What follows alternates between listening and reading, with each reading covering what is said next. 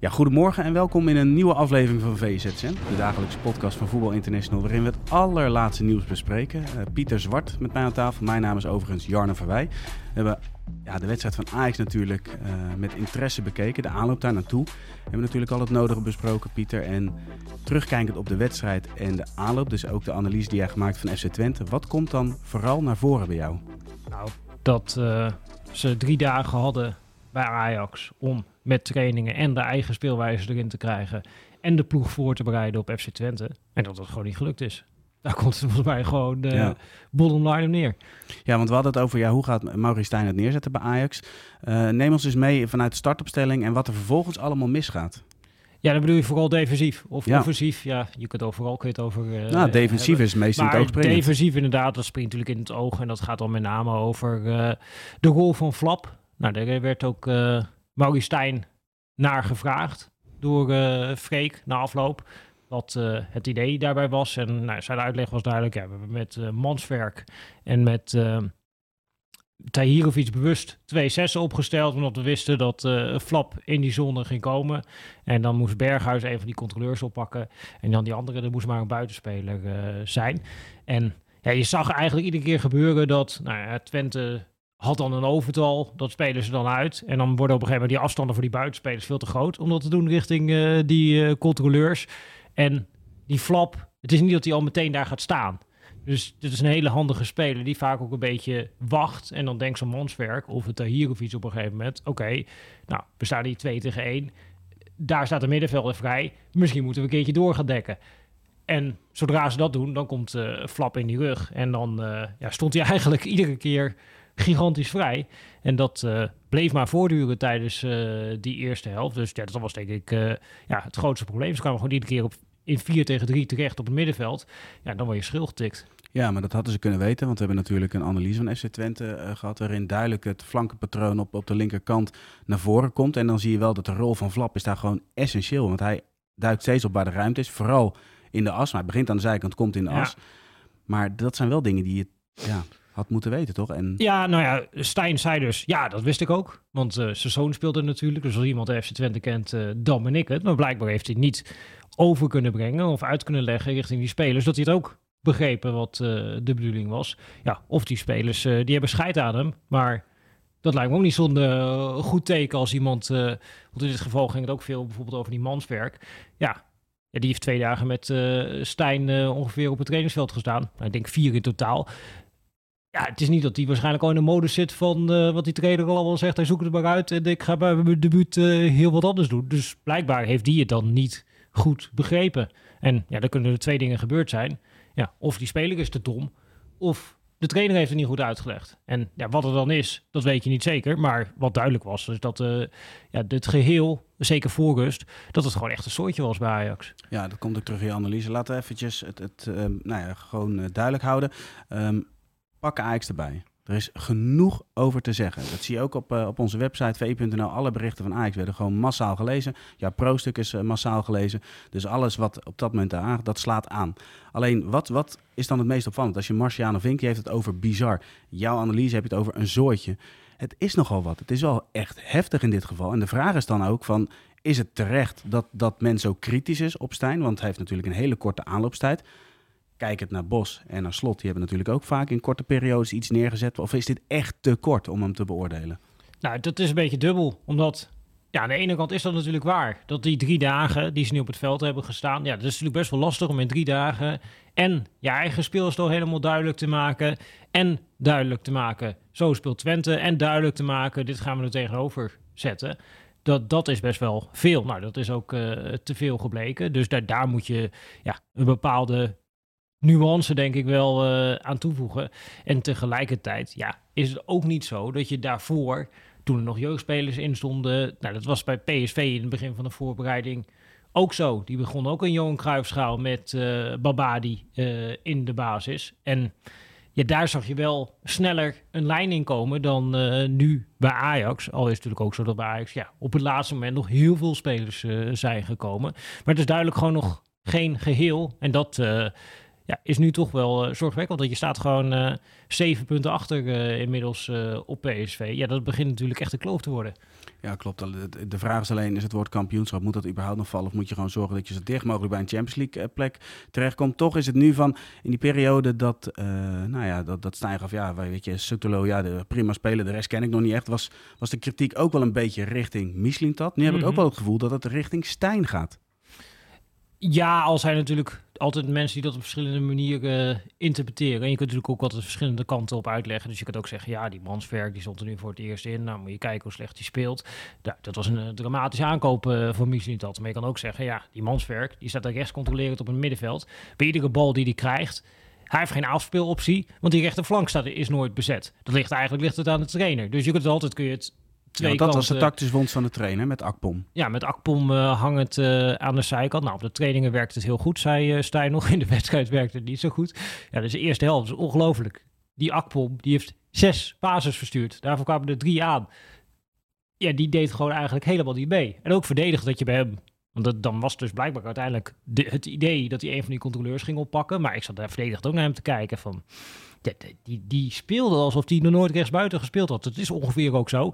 Maar die had geen idee eigenlijk waar hij moest lopen. Ja, dan wordt het op een gegeven moment wordt het wel lastig om druk te zetten. Omdat uh, aan die andere flank, Steven Bergwijn. Nou, dat is ook niet iemand die uh, fanatiek is in druk zetten. Die loopt graag een beetje langzaam de kantjes er uh, vanaf. Een beetje alibi uh, druk zetten zie je bij hem nogal uh, vaak terug. Ja, als dat je twee vleugelaanvallers zijn, ja, dan wordt het wel lastig om druk te gaan zetten. Dan heb ik nog niet eens gehad over nou, de laatste lijn. Hoe staat die vervolgens aangesloten middenvelders? Want je zag vaak dat Ajax dan in hele grote ruimtes met vier man gaat proberen druk te zetten op de opbouw van Twente. Ja, Twente is niet zo slecht dat je dat met vier man voor elkaar krijgt. Je hebt uiteindelijk een heel team nodig om druk te zetten. En dat, dat is gewoon nog niet terug te zien bij Ajax. Nou, daar zijn verklaringen voor. Maar het is ook wel weer duidelijk uh, dat ja, bij een club als Ajax moet je op een gegeven moment wel gaan verwachten dat je ja, iets te zien krijgt. Want er zijn geen no-no's, zeg maar, die spelers op het uh, veld staan. Dat zijn allemaal internationals, want daar waren ze de afgelopen twee weken allemaal weg. Maar wat vind jij dan het meest pijnlijk, Pieter? Het feit dat je dus uh, niet gestructureerd druk zet als team? Of dat je bijvoorbeeld, nou, neem even het verschil Akpom ten opzichte van Flap. Uh, trainer van, van Twente had hetzelfde idee met Flap als de trainer van Ajax met Akpom. Ja. Met Akpom werkt het niet minst aan de bal. Twente werkt het wel, Flap het meest aan de bal. Ja, wat, wat vind jij dan het meest pijnlijk? Dus eigenlijk dat verschil of dat je zegt van de verdedigende organisatie en structuur die totaal ontbreekt? Nou ja, het is allebei wel pijnlijk, toch? Ja, zowel aanvallend als defensief. Ja, zag je gewoon veel te weinig nog terug. En... Ja, maar waarom ik het vraag is, je hebt zo weinig tijd. Moet je dan niet, dan, dan zou er een van die elementen wel foutloos moeten zijn. In ieder geval gestructureerd moeten zijn. Dan zou je toch misschien eerder op het defensieve gaan zitten? Dat zou kunnen, dat zou kunnen. En ja, daar ja, is nog heel lastig. Hij heeft duidelijk, wil hij het op een andere manier wil hij neerzetten dan uh, in de jaren daarvoor het uh, geval was bij Ajax, waar echt druk gezet werd uh, man om man. Nou, dat is nu het idee geloof ik dat het wat meer zonde is. Maar je ziet, en dat zie je dus met eigenlijk die momenten waar ze dan in ondertal komen dat Flap vrijkomt, dat op een gegeven moment spelers gaan toch weer man om man opzoeken. Ja, dan komt er gewoon iemand vrij. Ja, dat soort dingen. Ja, dat zie je vaak terug bij een ploeg in transitie. En dan vind ik het ook wel zorgwekkend dat daar, ja, als ik dan Stijn afloop hoor, dan zie ik daar niet een trainer die daar verantwoordelijkheid voor neemt. Dan gaat het, uh, twee weken geleden ging het over, ja, die aankopen zijn van, uh, gedaan door Sven. Er moet nog wel blijken hoe goed ze zijn. Nou, en nu ging het over, uh, ja, we hebben het van tevoren, aan de voorkant hebben we het heel duidelijk aan ze uitgelegd. Ja, ja ze doen het niet en ze coachen elkaar niet. Ja, waar moet ik dan nog beginnen? Is uh, zijn uitleg. En hij roept ook de hele tijd, ja, het heeft allemaal te maken met uh, mentaliteit, passie, inzet, duels winnen. Ja, en als dat er niet is, ja, dan hoef je niet eens aan tactiek uh, te beginnen. Ja, ik denk als dat de uitleg is, ja, dan zie ik ook niet meer in, hoe ga je dan verbeteren? Ja, maar bij Ajax zie je dus vooral terug dat, dat het allemaal verwijten zijn. Maar je ziet geen progressie. En de vraag is, gaat dit goed komen, Pieter? Ja, ja, maar begint... gaan we deze samenstelling nog zien? Ja, het is altijd heel makkelijk. Zoveel wedstrijden en dan zeggen, ja, uh, hoe lang gaat het goed? Wat, wat gaat er gebeuren? Wat zijn de consequenties? Maar als het zo extreem is, hebben we het over nou, het slechtste Ajax sinds jaren. Dat Nou ja, wordt ja, gezegd. nou ja, dat, dat klopt ook, omdat feitelijk gezien is het de slechtste seizoenstart eh, in volgens mij eh 60 jaar, die eh, Ajax nu eh, realiseert. Dus ja, de resultaten zijn dramatisch slecht. En het ja, erge is, soms zijn de resultaten slecht. Zoals bij Feyenoord, waar de resultaten ook slecht in die eerste twee wedstrijden. Maar kon je toch wel zeggen, nou, dat spel, daar kun je aan vasthouden. Maar bij Ajax is er ook in het spel is er eigenlijk bijna niks om je aan vast te houden. En ja, ze begonnen met overwinningen en toen werden het gelijke spelen. En nu zijn ze aan het verliezen.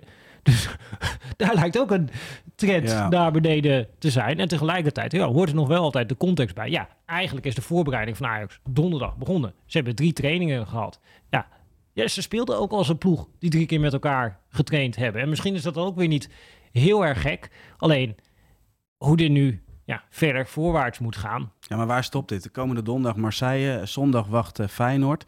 Dit, dit kan echt pijnlijk gaan worden. Ja, dat, dat is zeker waar. Dus eh, ja, dat worden twee eh, enorme uitdagingen voor Ajax. eh, die wedstrijden die ze gaan spelen tegen Marseille en Feyenoord. Dus ja, en ja, je hebt nu ook dan vandaag, ja, je zou eigenlijk met die gasten aan de slag willen. Maar ja, dit is eigenlijk natuurlijk een hersteltraining dag. nou, dan heb je morgen een enigszins fatsoenlijke trainingsdag. En dan die dag Ja. ervoor ben je alweer half aan het trainen, omdat je de dag voor eh, de wedstrijd zit. Ja, dat is niet makkelijk. Ook deze week ga je weer, nou, misschien twee of drie fatsoenlijke trainingen hebben. En ja, als je de beelden erbij pakt, ja, moet gigantisch veel eh, moet er eh, aan gebeuren. Dus wat dat betreft, ja. En de grootste niet- uitdaging is wel, waar begin je? Ja, Want dat, ik, dat, dat is ook wel, ja, weet je, wat ik ook aan jou wil vragen. Van, ja, waar, waar begin je nou? En dat Ja, is het echt wel... eh, En het ja, je zou verwachten dat het begint bij waar de trainer Stijn ook bekend op stond bij zijn eerdere ploegen. Dat je in ieder geval dan die verdedigende organisatie precies. neerzet. En dan maar wat verder terug. Dat je in ieder geval bij elkaar in de buurt speelt. En dat je elkaar daadwerkelijk eh, kan gaan helpen. En ja, op die manier in ieder geval ja, een organisatie neerzet die een vorm van vertrouwen geeft. Waardoor uiteindelijk ja, er misschien iets in begint te komen. Dus eh, ja, dat, lijkt me waar je begint. Dat je dat in ieder geval neerzet. En dat dat in ieder geval eh, duidelijk is. Want als het nu blijkbaar zo was dat eh, ja, plan A is getraind en B gebeurt op het veld. Ja, dat is wel een zorgwekkende situatie natuurlijk. Ja, absoluut. Het wordt een eh, spannende week met eh, zondag eh, ja, de, de klassieker als ultiem toetje. Overigens, die dag gaan we live met Martijn Krabberdam en Freek Jans in de studio. Half twaalf tot half één gaan we uitgebreid vooruitblikken op die wedstrijd. Op ons YouTube kanaal te zien. Op ons YouTube-kanaal, inderdaad, Pieter. Maar ehm, pak nu even de komende week, want er gaat nog veel meer gebeuren. We hebben ehm Feyenoord tegen Celtic, daar zijn we bij aanwezig. De wedstrijd van PSV in Londen, daar zijn we ook bij aanwezig. We hebben Ajax deze week, waar we ook aanwezig zijn.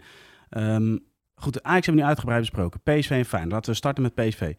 Klaar voor Arsenal? Ik denk dat ze ver zijn, maar ik denk niet dat ze klaar voor Arsenal zijn. Een stuntje, zit dat erin?